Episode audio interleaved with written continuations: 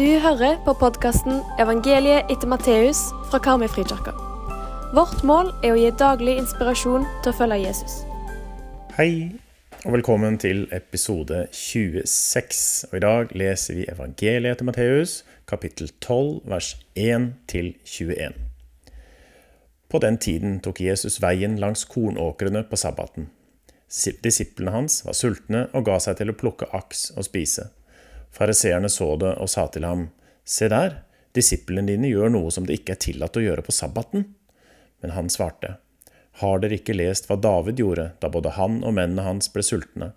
Han gikk inn i Guds hus, og de spiste skuebrødene, som verken han eller mennene hans hadde lov å spise, men bare prestene. Eller har dere ikke lest i loven at prestene hver sabbat bryter sabbaten i tempelet og likevel er uten skyld? Men jeg sier dere, her er det som er større enn tempelet.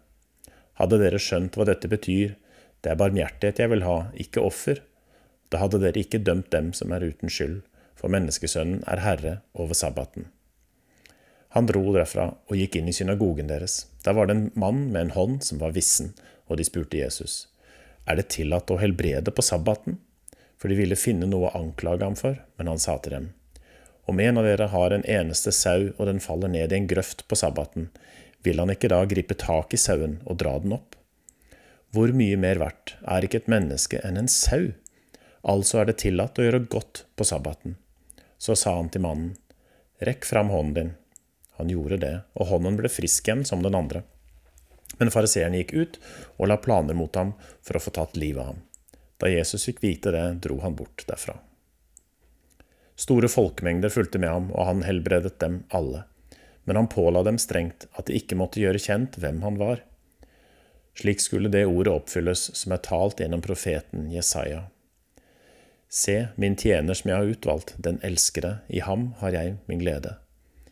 Jeg vil legge min ånd på ham, og han skal forkynne retten for folkeslagene. Han skal ikke trette og ikke rope, og ingen skal høre hans røst i gatene.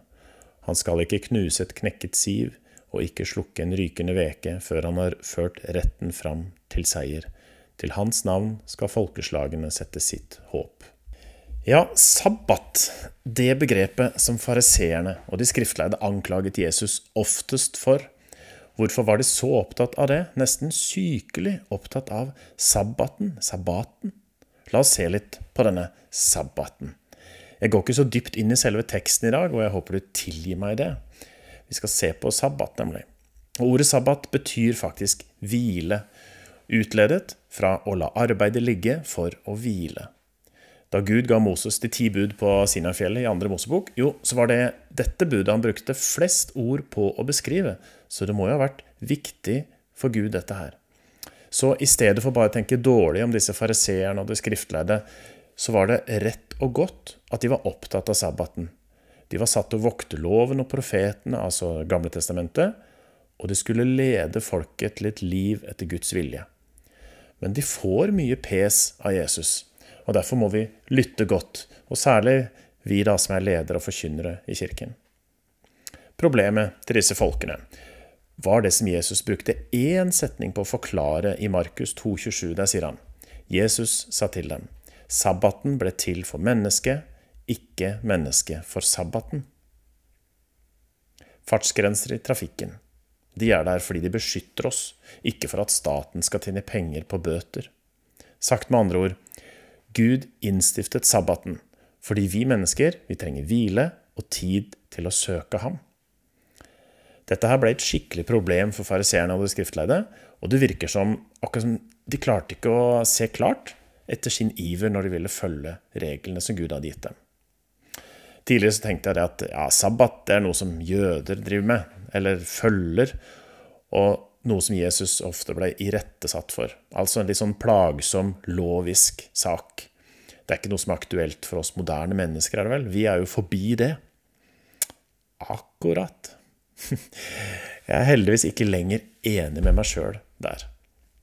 For hvis vi ser litt forbi reglene og det strenge sabbatregimet som jødene følger, da, så ser vi noe fantastisk fint gjennom sabbaten.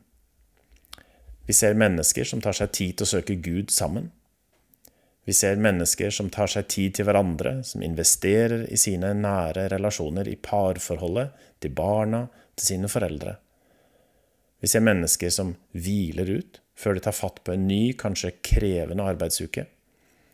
Vi ser mennesker som lar den digitale hverdagen, skjermer og sosiale medier, få tape den dagen. Tape for hverandres skyld. Vi ser mennesker som gjør kjekke ting sammen. De spiser god mat, går på tur, spiller brettspill, ligger på gulvet og leker med de minste. Ja, nesten hva som helst som holder dem til stede sammen. Vi ser mennesker som gleder seg til denne dagen gjennom uka, for den har blitt ukas høydepunkt. Og så kan vi jo tenke ja, det er jo fint. Og jeg er jo fri til å gjøre dette når som helst. Jeg trenger ikke noen sånne regler, jeg kan jo bare bestemme selv.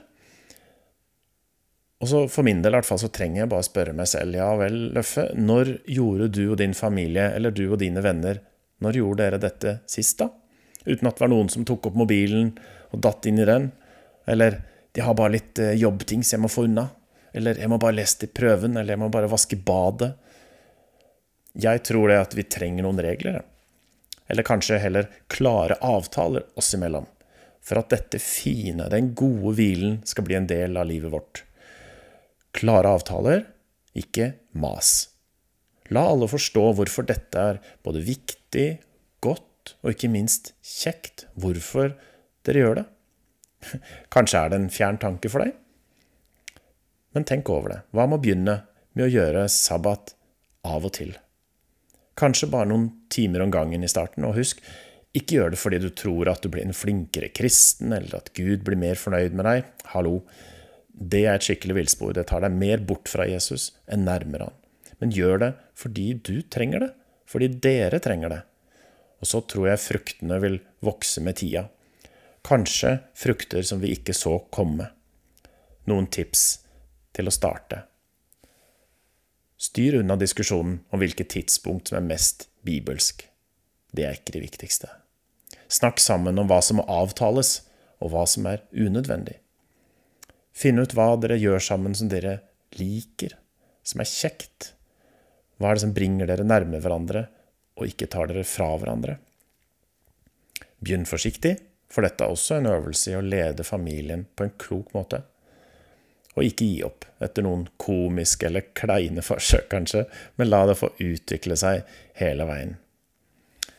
Og så snakk med noen andre om det, gjerne på smågruppa di, og selvfølgelig snakk med Gud om dette. Da ber vi, folkens. Hellige Ånd, rens oss, så vi kan være oppriktige og sanne. Ånd, du som sender ut frigjør oss til tjeneste for andre. Ånd, du som uroer, beveg oss, så ødelagt liv kan bli nytt. Amen.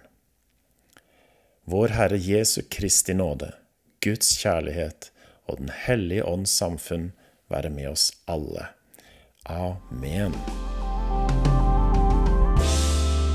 Vi håper du blir med videre for å lese hele evangeliet etter Matteus sammen med oss. Leseplanen finner du på våre nettsider.